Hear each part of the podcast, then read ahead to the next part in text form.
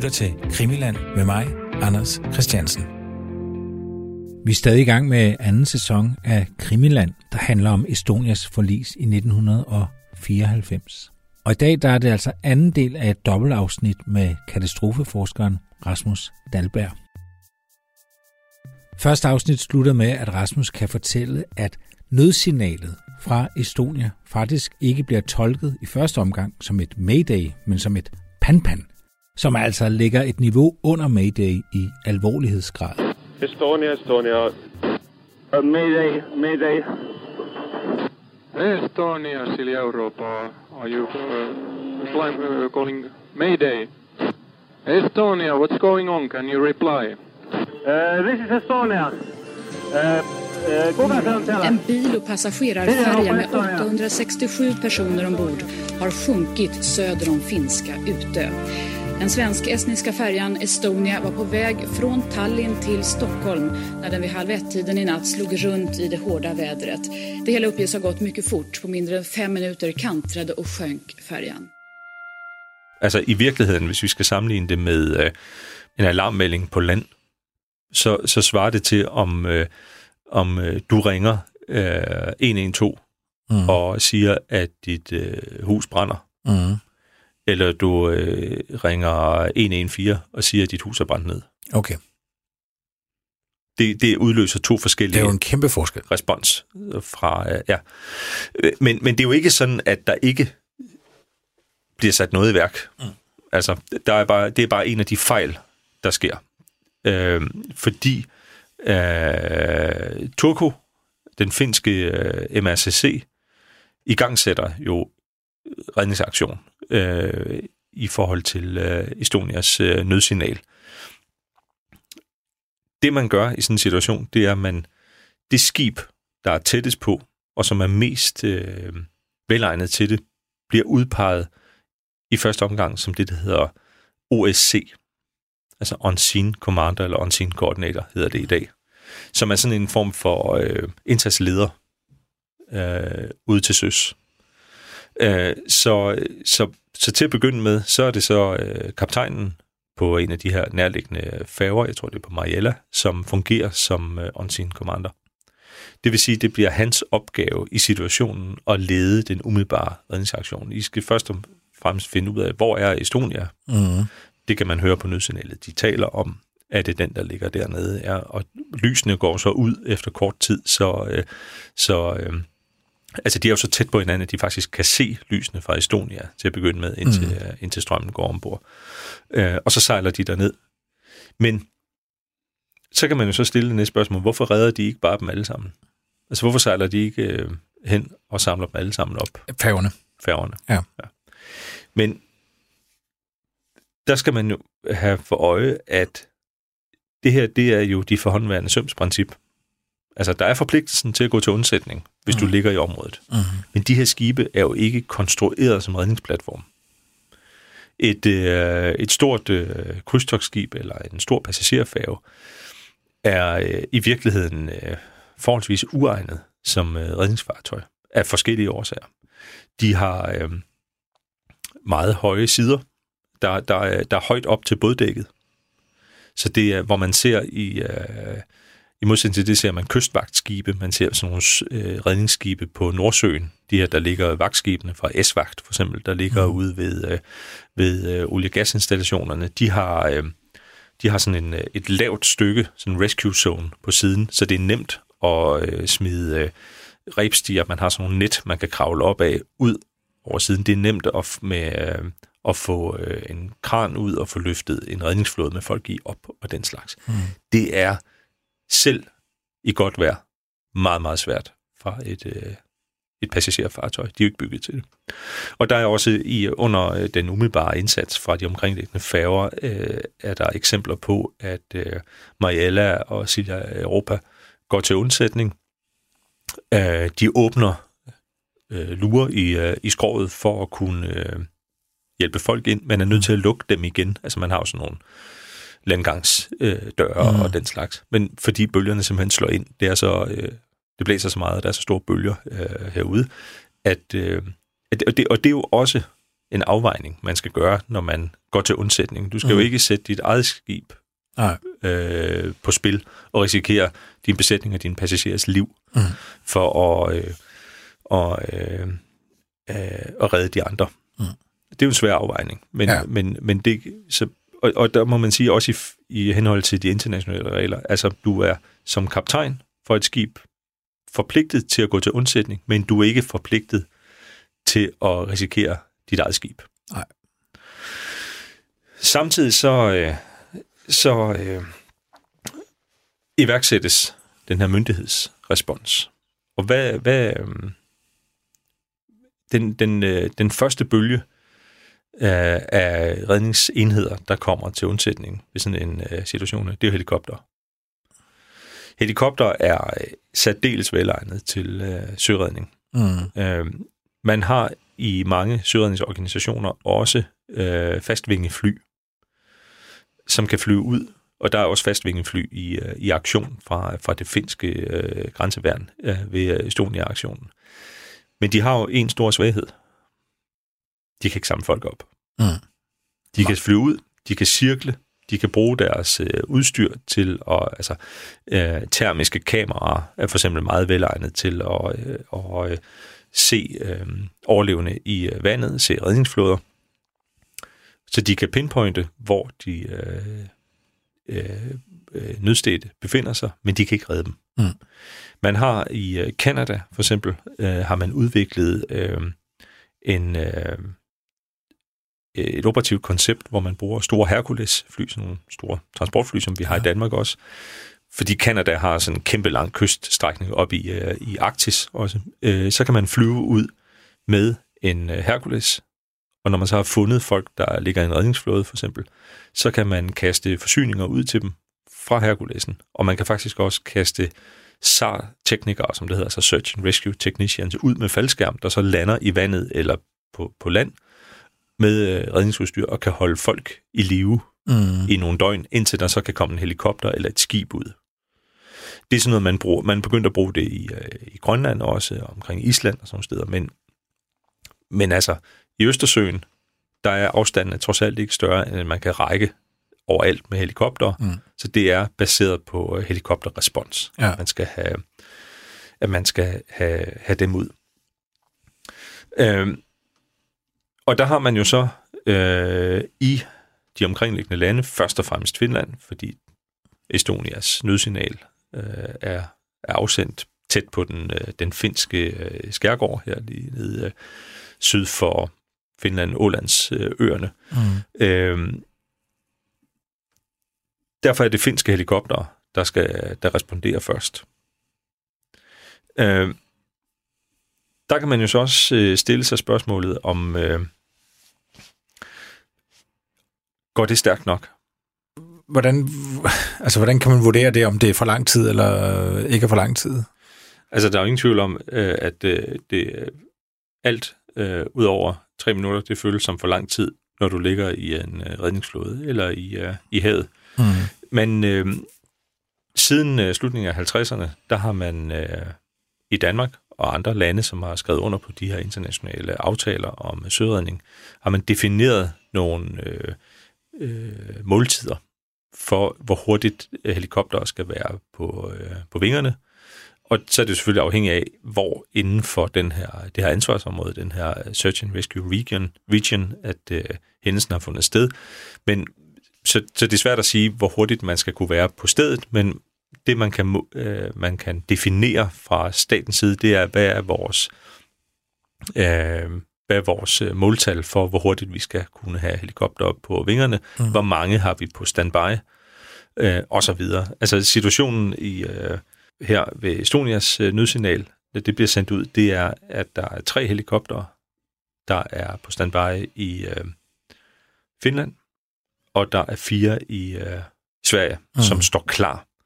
Derudover så har man øh, to helikopter i Danmark, og der har man en aftale mellem de øh, nordiske lande om at hjælpe hinanden. I løbet af det første, øh, at det første halve døgn, altså der, hvor helikopterindsatsen øh, gennemføres, der er der 26 øh, helikopter i, øh, i spil, Mm. som er på vingerne. 8 fra, øh, fra Finland, det er 14 helikoptere fra, mm. fra Sverige. Så er der en ned fra Estland, der er de her to fra Danmark, og så er der faktisk øh, også en russisk helikopter. Det, det så handler om, og det er jo, det er jo en kæmpe... Man skal forestille sig, at der sidder en hel masse mennesker inde på de her MRCC'er, de her redningscentraler i land, og der bliver selvfølgelig kaldt en masse. Der er måske to eller tre på vagt, og så kalder man en masse ind. Øh, og det, de sidder og laver, det er logistik. Altså, de sidder simpelthen og laver planlægning hele tiden for, Ja. ja. hvordan kan vi håndtere det, der sker øh, ude på havet, inde på land. Man, øh, man har sådan et, et udtryk, der siger, offshore is onshore. Altså, du kan, det nytter ikke noget, at du bare får fisket folk op af vandet derude, hvis de så dør inde på land. Altså, du, du skal hele organisationen skaleret op hurtigt. Det vil sige, at du skal have aktiveret sygehuse, du skal have aktiveret modtagepladser, for, hvor helikopterne kan lande. Og alt det har man selvfølgelig planer for. Det er jo sådan noget, det er sådan noget man faktisk kan planlægge. Mm. Fordi ligegyldigt, hvor hændelsen er sket ude på, øh, på i Østersøen, så ved finnerne, at hvis der sker en stor altså det, det man kalder i fagsproget en MRO, altså en Mass Rescue Operation, så vil der komme mange helikoptere med enten øh, nedkølede personer, eller folk med øh, røgskader, som mm. for eksempel fra Scandinavian øh, Star, Ja. øh, som skal behandles på sygehus. Så man, man forbereder sig, når man bruger en, øh, en lille ø, øh, der ligger ret tæt på øh, ulykkestedet, som sådan en modtagstation, øh, Udø, øh, hvor der er et gammelt fort, hvor så helikopterne kan lande, og så kan man så få dem i ambulancer, og man kan få dem videre med andre. Så bruger man nogle andre, blandt andet nogle russiske helikopter, som ikke er udstyret som redningshelikopter. Så kan man bruge dem som transporthelikopter til at flyve dem videre. Så man laver sådan et, i virkeligheden i, militær terminologi, sådan en forward staging area, ikke, hvor du kan modtage dem, få dem ud af redningshelikopter, mm. få frigivet redningshelikopterne til at flyve ud og eftersøge igen, og så kan man få, øh, få lavet umiddelbar øh, øh, hjælp, få givet hjælp til de her øh, nødstede og få dem pakket om og så videre ind på mm. sygehusene. Det er sådan en kæmpe, øh, kæmpe Ja. logistisk operation, der, øh, der går i gang.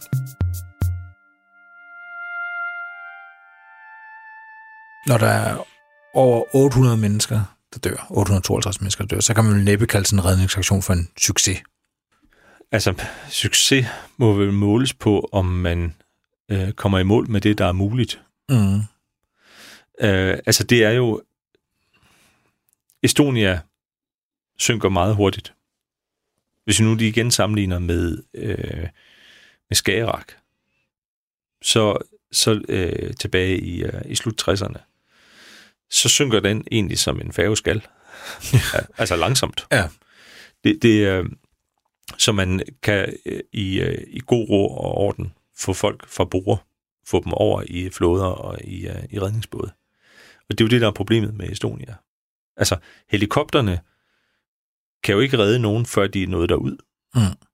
De andre skibe, de færgerne, der ligger omkring, er ikke udstyret som redningsplatforme. De har nogle mand over bordbåde, men, men øh, vejret er så dårligt i området, at man kan ikke sætte dem. Altså, mm. det, det er jo sådan nogle øh, gummibåde, typisk nogle, øh, nogle rips, øh, udenbordsmotorer, man skal fire ned, og det kan man simpelthen ikke i, øh, i så store bølger, uden at risikere øh, øh, liv og lemmer for, for Mm. besætningen på de, ski, på de færger. Mm. Øh, man kan så diskutere, og det er, jo, det er jo også det, man gør på bagkant af den her slags øh, indsatser. Var beredskabet så i orden? Mm. Altså, at det kom helikopterne hurtigt nok? Mm. øh, gør de det, de skal, når de kommer frem? Altså, det, det er jo meget, man laver jo øh, lessons learned processer på alt, øh, hvad der sker af den her, øh, af den her karakter af, af hændelser. Var det udstyr, de havde i helikopterne, godt nok? Mm. Øh, nu er vi jo sådan en situation her, hvor der er helikopter, for eksempel fra fem lande involveret. Det vil sige, at man faktisk får mulighed for at se forskellige typer helikoptere. Du har besætninger, der er trænet på forskellige måder. For eksempel det her med, at svenskerne ikke kunne lande på færgerne, men de kunne finde det godt. Øh, Du har forskellige udstyr ombord i øh, helikopterne. Det er jo empiri, vil jeg jo sige, som, Mm. som forsker, til at se, hvad fungerer. Hvad skal vi have mere af? Skal vi have termiske øh, kameraer af en anden kvalitet på nogle af helikopterne og, øh, og den slags? Men der er jo ingen tvivl om, at det er, jo- det er jo en redningsaktion under ekstremt vanskelige vilkår, der, øh, der, øh, der finder sted øh, herude. Og der har jo der har jo faktisk været en færgekatastrofe i øh, Østersøen øh, halvandet år før, som man ikke hører ret meget om. Altså, der, var, heller ikke nær så mange, der, øh, der, øh, der omkom. Men, øh, men den var jo set, øh, hvad skal man sige, øh, i, relativt i forhold til, hvor mange øh, der, øh, hvor stor en del der øh, af, af betætningsmedlemmerne og, øh, og passagererne, der omkommer, er i virkeligheden lige så slem som, øh, som øh, Estonia, selvom at vi er, der er 10 gange flere, der dør på Estonia. Mm. Altså Jan Hevelius, som var en, en skrotbunke af en polsk færge, som, øh, som gik ned i en, øh, i en øh, brandstorm med, med vindstød og orkanstyrke øh, under en, øh, en sejlads fra Sverige til, øh, til Polen. Øh, og, og det er jo altså på mange måder en, øh, en lignende hændelse, mm. altså som, som siger noget om, hvor vanskeligt det er, og hvor, hvor, hvor vanskeligt forhold det er at redde folk i vandet, mm. når det er dårligt vejr. Ja. øh, den gik også hurtigt ned. Det var øh, en... Øh, øh, det, i, I virkeligheden er det, er det øh, synd og skam for de pårørende og for de omkomne på Jan Hevelius, at den på mange måder blev overskygget af Estonia halvandet år senere. Ja. Øh, fordi det var et eksempel på en ekstremt dårlig vedligeholdt færge, som, som formentlig nærmest faldt fra hinanden øh, i, en, i dårlig vejr ja. og gik ned. Ja. Nu snakker du om lesson learned, og det jo næsten også noget, det, det, det, du snakker om op til Estonia, at øh, man kan sige, beredskabet bygger simpelthen på på dyre lærepenge, kan man sige, mm. på at man har mm. oplevet nogle katastrofer, og så har vi lært det, og så bygger man på det.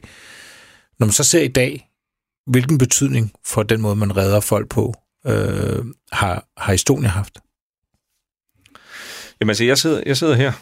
Jeg har, jeg har taget uh, et par bøger med, som jeg, ja. vil, uh, som jeg vil vise dig. Det er IAMSAR-manualen, uh, som er udgivet af IMO, den uh, FN's maritime organisation som udkom første gang i 1998. Så IAMSAR, det er en forkortelse for International Aeronautical and Maritime Search and Rescue Manual. Og det er simpelthen, det er, jeg sidder med bind 1, som handler om Organization and Management, og volume 2 her, som er Mission Coordination, som er øh, i det her, det er den, den seneste udgave, men den udkom altså første gang i 98. Og det er, det er standardværket på øh, området i dag worldwide for, hvordan man øh, organiserer, leder og koordinerer øh, redningsaktioner til, øh, til søs. Mm. Og deri indgår også erfaringerne fra øh, Estonia i mm. allerhøjeste grad. Ja. Øh, fordi det var jo et arbejde, man var i gang med på det tidspunkt, frem til udgivelsen i, øh, i 1998. Så, så, så vi er på... Øh, der, der sker læring i forhold til beredskabet på mange forskellige niveauer. Vi talte lidt om det her med, at man er sådan nede på det rent tekniske, altså hvad er det for noget, hvad er det for noget grej, hvad er det for mm. noget udstyr, der øh, har vist sig at fungere derude, hvad er det for noget, der er utilstrækkeligt. Men så er det også i forhold til øh, organisationen, hvordan, øh, hvordan øh, opbygger man de her slumrende organisationer, så de mest effektivt hurtigt kan skaleres op. Og så er det i forhold til øh, den operative indsats. Altså, hvordan øh, definerer man, hvem der bestemmer, hvem der, øh, hvordan man afgiver øh, signaler øh, til hinanden for at øh, effektivisere øh, samarbejdet mest muligt øh, derude. Så det er sådan, det er sådan meget konkret et eksempel på, øh, på læring, mm. som sker på den hårde måde. Mm. Øh, man kan sige meget sikkerhedstænkning generelt kommer fra luftfart. Fordi man har været ekstremt dygtig til, øh, igennem det der ICAO, som nu taler vi om IMO her, som er FN's maritime organisation, så har man også den internationale civile luftfartsorganisation ICAO, som siden øh, 1940'erne har været ekstremt dygtig til at opsamle læring og sprede den ud i øh, det internationale øh, luftfartssystem. Mm ved altså, jo simpelthen fordi der er så, øh, hvad skal man sige, kontant afregning ved kasse 1 ved tilfælde af dårlig sikkerhed i luftfart. Ja. Øhm, så, så, øh, og det er jo en af grundene til, at luftfart er blevet en så sikker transportform i dag. Ved at man har ekstrem... Altså, det oplever vi jo også ikke, når man lig, næsten ligegyldigt, hvad, hvilket øh, luftfartsselskab du og jeg flyver med, mm. så er det de samme procedurer, der bliver... Man kan, man kan se, at besætningerne er trænet på samme måde. Det er de samme instrukser, vi får om... Øh, om øh, hvordan vi skal spænde sikkerhedsbæltet, og øh, skal man, du ved nok, øh, med redningsvesten, den skal du først give dig på selv, og så skal du ja. først hjælpe din... Du skal også, nej, det er, det er masken. med, med redningsvesten.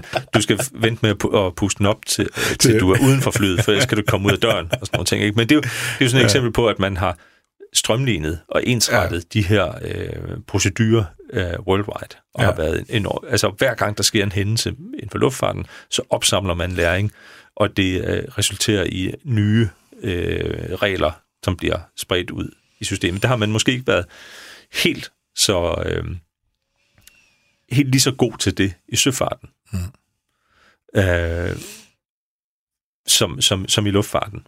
Men, men øh, fordi der er øh, der er måske øh, lidt mindre fokus også øh, fra mediernes side på hændelser i søfarten mm.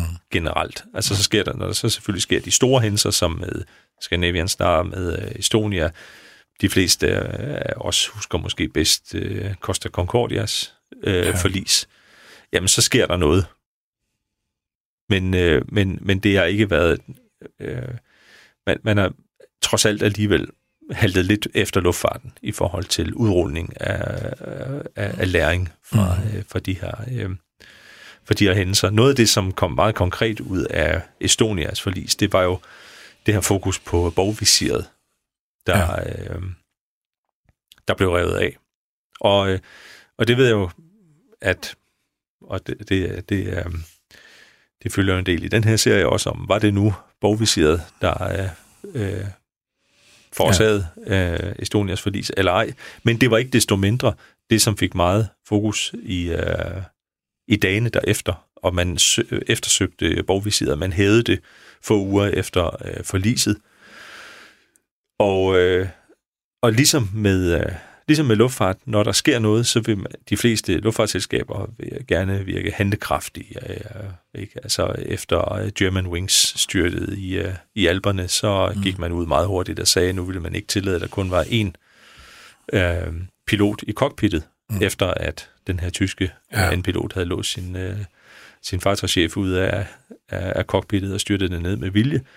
Øh, så var der en del rædderier, der ganske kort efter Estonias forlis øh, fast svejsede bogvisierne på, øh, på færgerne. Altså jeg husker da nogle få år efter at have taget med, øh, med Oslo øh, båden øh, og, øh, og øh, haft en, øh, en oplevelse af, at jeg skulle køre ind og vende i bilen inde på bildækket, fordi man skulle ud af, af agterporten øh, samme vej øh, som man var kommet ind, og mm. den slags. Altså simpelthen for at sikre, at det er meget sådan umiddelbar sikkerhedstænkning går jo ud på at lukke huller på bagkanten. Ja. Ikke? Nu har vi konstateret, at den her, det her borgvisir kunne falde af.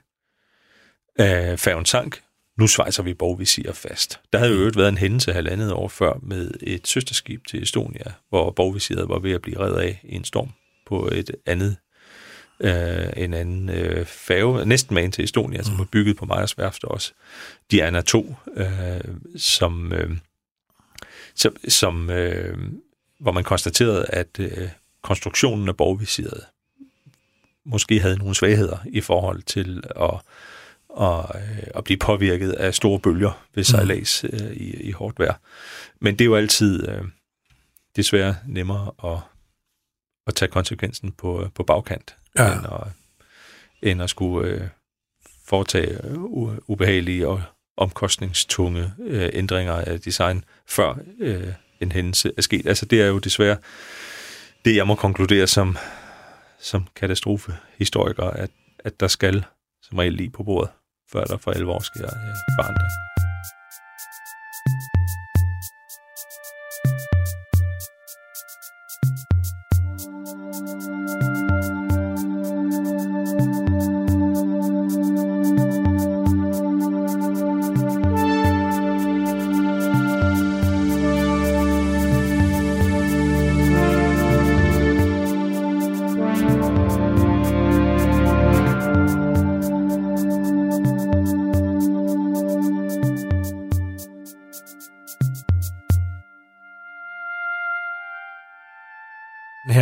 Serie kommer vi også til at kigge nærmere på sådan den officielle forklaring på, hvorfor Estonia øh, forliser, og så nogle af de andre teorier, der er. Når du kigger sådan på selve redningsaktionen, øh, og, og fra, fra nødopkald, er, det, er der noget, der virker sådan dodgy? Er der noget, der et eller andet, der virker sådan lidt som om nogen, der har modarbejdet noget, eller er der et eller andet, du tænker, der er mystisk i hele den her procedure, eller proces? Nej, der, der er ikke noget, der, der virker mystisk i, øh, i den forstand, at det skulle være øh, overlagt. Mm. Øh, nu er jeg generelt ikke øh, særlig øh, konspirationsteoretisk øh, anlagt. Mm. Øh, men selv hvis jeg prøvede at være det, så, så synes jeg det ikke. Altså, der er ting, der, der, er ting, der går galt. Der er mm. ting, der ikke kører optimalt. Altså, der er... Øh, øh, officeren på Estonias øh, bro, som afgiver et upræcist øh, nødsignal. Men han har også været under et voldsomt pres, og han har øh, øh, været i gang med at finde ud af, hvad der foregår. Øh, så det er, det er uheldigt, men et eller andet sted forståeligt. Altså tænk på, øh, på øh, kaptajnen på øh, Costa Concordia, som, som kastede sig i en redningsbåd og, og forlod skibet, mens der stadigvæk var, var folk ombord på ja. det. Det gjorde kaptajnen på Scandinavian Star i øvrigt også forlod ja. skibet, uden at sikre sig, at alle var, var kommet fra bord. Altså det, det er... Øh, og så kan man jo så diskutere, var, øh, var besætningen trænet godt nok? Altså var, var øh, sikkerhedsorganisationen på plads ombord på øh, Estonia? Noget tyder jo på, at alene det faktum, at Estonia som den eneste af færgerne sejlede med fuld fart mm. øh, mod de store bølger ind i stormen. Mm. Den her nat, hvor de andre færger havde sejlet med, med nedsat fart. Øh, kunne jo øh, tage som en indikation for, at, øh, at sikkerhedskulturen ombord måske ikke har været øh, på højde med de andre øh, rædderiers færger. Mm. Men, men det er jo ikke det samme som at sige, at der er noget dodgy i det, at der er noget, øh, øh, hvad skal man sige, bevidst ondsindet handlinger. Det ser jeg, det ser jeg ingen tegn på. Der sker også den her øh, fejl ved Helsinki øh, Radio, hvor et, et mayday bliver øh, oversat og videregivet som pan-pan-meddelelse, altså et nødsignal med lavere prioritet.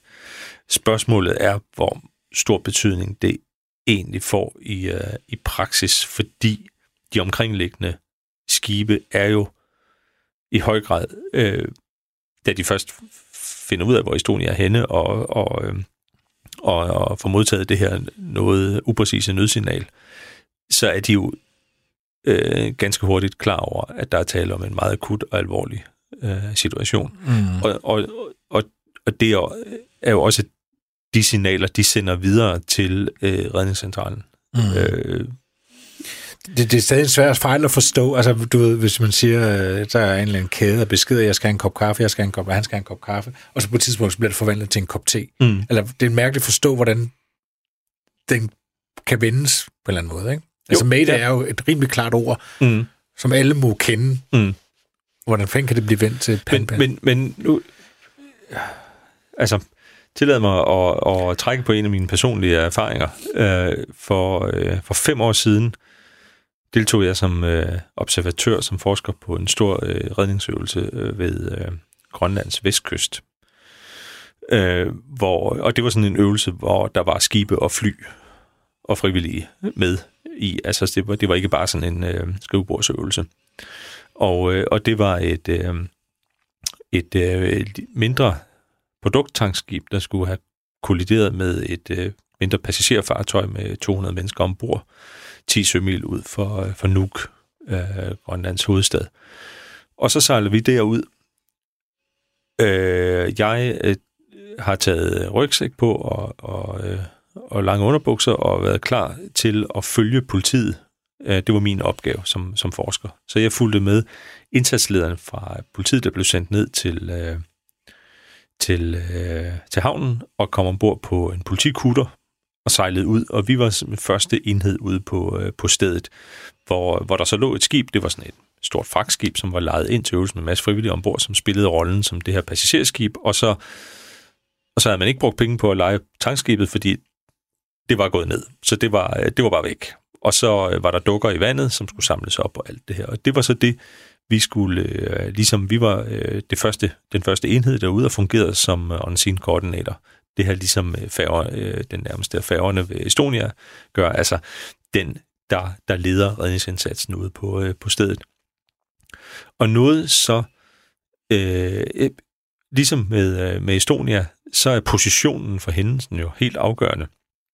Altså man simpelthen ved, hvor det har fundet sted. Mm. Fordi så laver man, og det gør de også øh, på, øh, i forbindelse med Estonia, så skal man meget hurtigt vide, hvordan er strømforholdene i området, hvordan er vindforholdene. Fordi så, kan man, så har man sådan nogle modeller, nogle computerprogrammer, man taster det ind i, og det gør man inde i land. Og så kan man beregne inden for redningscentralen, hvordan øh, afdriftsmønstrene er. Fordi øh, når de første helikopter er mere end en time om at nå ud til øh, stedet, hvor Estonia er gået ned, så skal man jo ikke lede efter redningsflåderne der, hvor Estonia gik ned. Man skal lede efter der, hvor de er drevet hen. Mm. Og de kan jo have bevæget sig i sømil på det tidspunkt. Og det trænede vi også op på, øh, på Grønland øh, dengang. Men derfor var det jo vigtigt at vide, hvor kollisionen var sket, så man ligesom kunne regne baglæns og sige, hvor skal vi så lede efter de her øh, redningsflåder og dukker i, uh, i vandet nu. Og alene det at blive enige om, hvad det var for en positionsmelding, der var givet, det var helt centralt for indsatsen. To flere timer. Og, og en af de observationer, jeg gjorde, som jeg stod og lyttede på, øh, på den her politikutter på, øh, på radioen, det var, at der, der, der var så mange forskellige versioner af den her oprindelige positionsmelding. At, nu taler vi altså en øvelse, hvor mm. positionsmeldingen var et signal, der var skrevet på forhånd, der, der blev sendt. Altså det, det var det, der satte øvelsen i gang. Så det var ikke, der var ikke noget forvirring om det.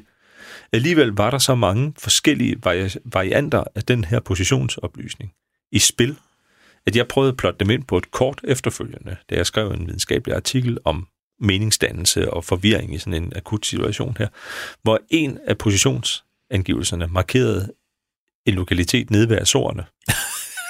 ja, du griner. det er også uheldigt. Ja, det, er, det er rigtig, rigtig uheldigt. Den kan man ja. måske godt regne ud af nok en anden øh, et tretal er blevet til et femtal et eller andet sted. Men noget så væsentligt som position for kollisionen, havde man faktisk svært ved at blive enige om og danne mening i. Og, og, og, og det er under en øvelse. Mm. Så er der jo ikke noget at sige til, at, at, at øh, skal man sige, når, når ens eget liv er i fare, han står, den her stakkels officer på, på broen, han har blackout på skibet, han aner ikke, hvor han er der er forvirring. Men altså alligevel... Men der har man jo så i øvrigt noget teknologi til at understøtte det. Man har noget, der hedder øh, EPIRPS, som er sådan nogle... Øh, det har du måske set på færger, der, der sidder altid en lille orange, øh, sådan en halv meter øh, høj øh, orange bøje, som sidder i en øh, typisk på siden af styrhuset. Mm. Og det er, det er en øh, nødsender, som automatisk aktiveres, når skibet går ned. Så øh, når den bliver våd og kommer øh, et par meter ned øh, under overfladen, så tænder den, så slipper den og ryger op til overfladen og sender et nødsignal øh, over et specielt radio-nødnet, øh, øh, net, man har. Så sender den et nødsignal og siger, jeg er en EPIRP-bøje fra det og det skib med det og de kendingsbogstaver. Øh, min position er det og det øh, mit skib er gået ned. Mm. Dem finder man fra Estonia efterfølgende, uden at de er aktiveret. De virker ikke. Hvordan, og hvordan kan det gå til? Ja, fordi teknologi ikke altid virker.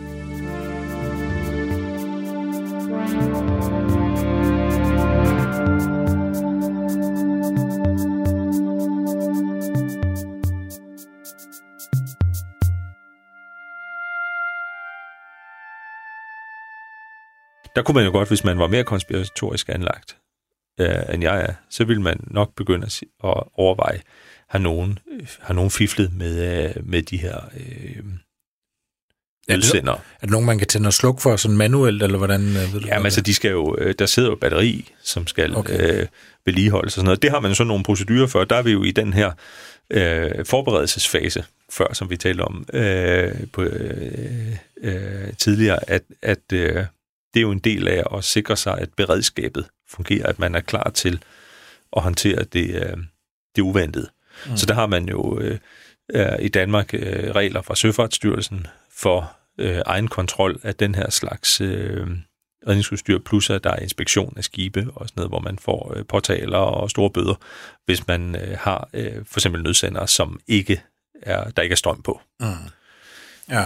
Men altså, det, det problem, problemet er jo, at med al teknologi, der, der, er, der er en forfatter, Tom Clancy, som engang sagde på, øh, han skrev sådan nogle øh, øh, bøger om, øh, om moderne krigsførsel, ja.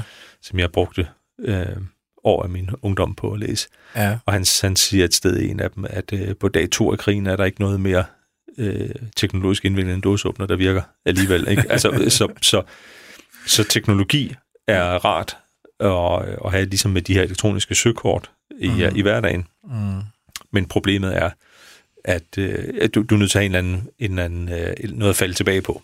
Ja. ja.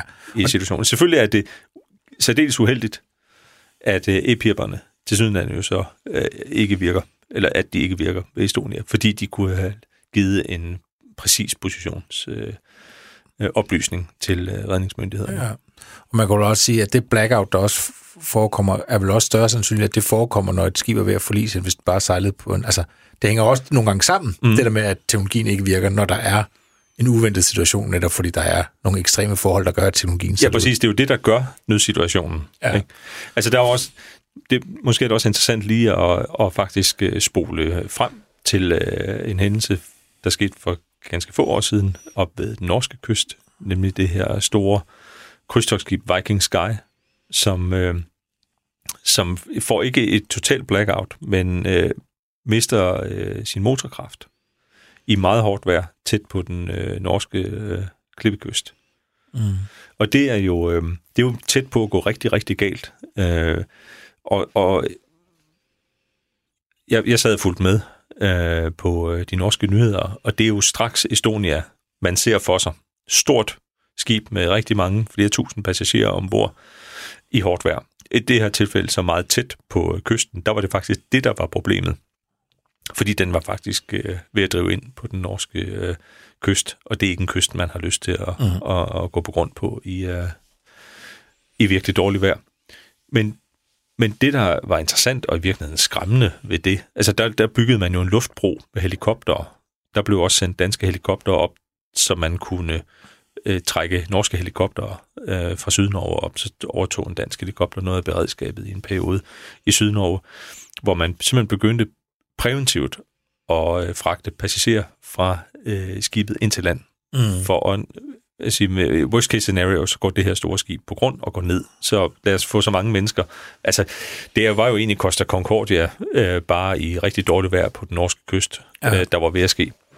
Øhm, men det, jeg synes, der var mest skræmmende og interessant ved den hændelse, det var, at, øh, at i virkeligheden var det sikkerhedssystemerne på færgen, der forårsagede den kritiske situation fordi man valgte at sejle i så store bølger, at øh, krydstogsskibet rullede så meget, at sikkerhedssystemerne selv lukkede hovedmotorerne ned, fordi den krængede så meget, at smørolien øh, bevægede sig på en måde, sådan så der, de sensorer, der sad i hovedmotorerne, øh, registrerede, at der ikke var mere smørolie.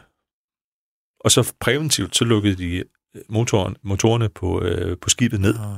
Men så mistede man jo styreevnen. Ja.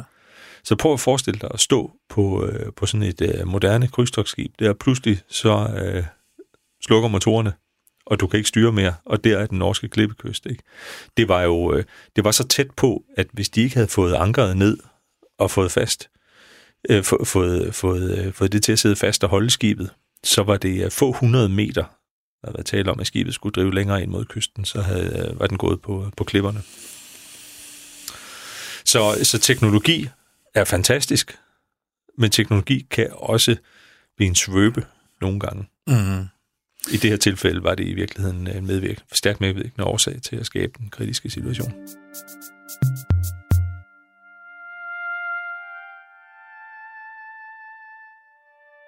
Jeg tænker, vi skal til at, til at runde af, Rasmus, men jeg vil godt bare lige vende tilbage til Estonia, øh, fordi nu har du beskrevet redningsaktionen, øh, og Estonia går, går ned ret hurtigt. Mm. Altså, det, det er ret hurtigt, den, mm. den synker. Altså, altså, alle de mennesker, der ikke, der er jo mange, der ikke når ud. Mm. Og, og der er jo desværre rigtig mange mennesker, der jo faktisk ligger på havets bund ja, inde i Estonia ja, ja. i dag. Øh, dem har man vel ikke haft nogen chance for at redde lige meget hvad. Altså hvis de ikke var noget komme ud af skibet. Ja. Nej, altså det, det siger sig selv. Altså det er jo den, den, den væsentligste faktor i tragedien her, det er, at skibet går ned så hurtigt. Mm. Altså, Titanic var fem gange længere om at gå ned. Mm. Hvor man hvor, hvor, øh, hvor man rent faktisk kan øh, nu havde de så ikke redningsbåde nok ombord på Titanic til passagererne, men man kan faktisk øh, i forholdsvis god orden fire redningsbåde ned, sætte folk over i. Det er, det er stille vejr på et land, der havde dengang. Det går så hurtigt på Estonia, at langt de fleste af dem, der omkommer, omkommer i skibet og går med ned. Så, så når det sker på den måde, så kan man jo nærmest ikke forberede sig på at redde flere mennesker. Nej, og det er jo også derfor, at man designer skibet til at være... Det er sådan et udtryk, der går tilbage til øh, Titanic, også til at være deres egen redningsbåd. Altså, man vil, man vil faktisk helst ikke have folk ud af skibet. Mm. Altså, det, det er sidste... Det er lender of last resort. Det er at evakuere et stort skib med mange passagerer ombord. Fordi så snart vi får dem ud i, øh, i flåder, eller i redningsbåde, så er de eksponeret så er de eksponeret over for øh, vejr og vind. Så, så man vil helst øh, sikre, at skibet slet ikke kan synke. Mm. Men nu er der jo som bekendt ikke synkefri skib, selvom man påstår, at ja. Titanic var synkefrit. Altså det er jo ideen om at dele et skib op i vandtætte rum, og, og øh, at man så kan måske ikke forhindre det i at synke, men man kan i hvert fald få det til at synke langsomt. Og det var, det var jo det, Estonia ikke gjorde. Nej. Den sank forkert. Den sank for hurtigt.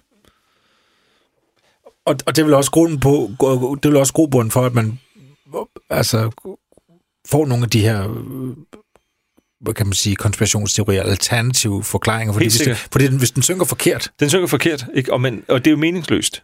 Og, og, og øh, når vi taler om katastrofer, så opstår konspirationsteorier, når der mangler mening.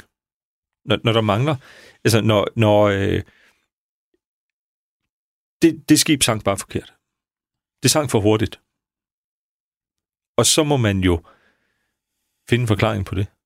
Altså, der kom... Øh, øh, og, øh, og ja, det føder så øh, alternative forklaringer. Det føder øh, kritik over for den officielle forklaring. Fordi mm. hvis den officielle forklaring på, øh, og hvordan jeg gik ned, ikke kan være rigtig, så må der jo være en anden. Så må det vand jo være kommet ind i skroget på en anden måde. Så opstår der øh, teorier om kollisioner med øh, ubåde, med bombesprængninger og, øh, og hvad ved jeg. Og, og det er jo, som, som jeg altid gentager, når øh, vi taler om katastrofer og konspirationsteorier. Øh, der findes jo konspirationer. Der findes konspirationer derude jeg skal ikke kunne sige, om det er en konspiration, øh, der står bag øh, Estonias forlis. Men så længe man ikke kan give en meningsfuld, fornuftig forklaring, så er der et marked for alternative forklaringer. Ja.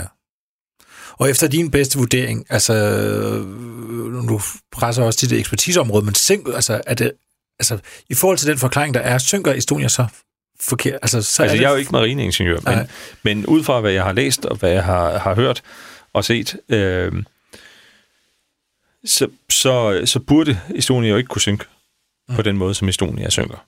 Mm. Hvis der, og nu laver jeg godsøjne, det kan man ikke, øh, ikke høre i radioen, men øh, hvis der kun løb vand ind mm. på bildækket, mm. Så, så noget tyder jo på, at der har været en, øh, et brud på skroget på en anden måde. Øh, Der er nye billeder, der kom frem sidste år mm. i en uh, dokumentarudsendelse, der viser et mystisk hul i skroget, som ikke er uh, beskrevet i den officielle havarikommissionsrapport. Der er historier om, at der var uh, restriktioner på, uh, hvilke dele af skroget man måtte undersøge dengang. Det er jo selvfølgelig noget, der uh, uh, sætter fod i konspirationsteorierne. Men, men jeg forholder mig egentlig bare til, at nu så vi billeder øh, troværdige optagelser, undervandsoptagelser af øh, vraget af Estonia med et stort hul i siden, som ikke er beskrevet i den officielle mm. øh, fælles havarikommissionsrapport. Jamen, så er vi jo egentlig øh, tilbage til start. Altså, så må vi jo få en forklaring på det. Nu har jeg set det seneste øh, fra, øh, fra Estland, er, at de estiske myndigheder siger, at det her hul i skroget øh, formentlig er opstået ved, at Estonias øh, skrov har ramt en sten, mm. da den lagde sig ned på bunden. Som sagt, jeg er ikke mariningeniør. Det, øh, det ser jeg frem til en, en åben øh, og, øh, og fri øh, debat med eksperter og ekspertundersøgelser omkring det. Mm. Øh, så kan det jo være, at det også viser sig. I øvrigt så kom det også ud fra de estiske myndigheder for nylig, at, at øh, det hul formentlig i sig selv heller ikke ville have været nok til at vandfylde mm. skroget hurtigt nok til, den sank på den måde, den gjorde. Mm. Ja, men, men så må vi jo videre i, uh, i sagen. Uh, og så er det jo... Det, nu, nu har jeg sagt nogle gange, at jeg ikke er særlig konspiratorisk uh, anlagt. Ja. Det er faktisk svært ikke at blive en lille smule konspiratorisk anlagt med de, uh, med de historier, der har været ude omkring øh, formodede transporter af militært isenkram ombord på øh, Estonia. Øh, jeg, jeg vil så gerne holde fast i min øh, tro på øh, det gode i øh, mennesket og de fornuftige forklaringer. Men som sagt, så er der også nogle gange bare konspirationer derude. Mm. Hvis det er det, der er tilfældet, så kan jeg jo være meget... Øh, så, så jeg er ikke så øh, fortrystningsfuld omkring, at vi nogensinde, og nu siger jeg vi i betydningen dig og mig, som, som helt almindelige, nysgerrige øh, borgere i Norden, får den fulde sandhed om, hvad der er sket med mm. Estonia. Men, men det der gabende hul i siden, det er jo svært at komme udenom. Altså det, det, det, det var også min umiddelbare reaktion, da jeg så den her, øh, de her optagelser i den dokumentarserie, der kom sidste år. Det bliver man nødt til som myndigheder i Estland og i Sverige med Finland og, og forholde sig til. Mm. Man er nødt til at give nogle svar på det. Mm. Rasmus Dahlberg, tusind tak, for at du kom for, forbi studiet. Det var en fornøjelse. Det var det.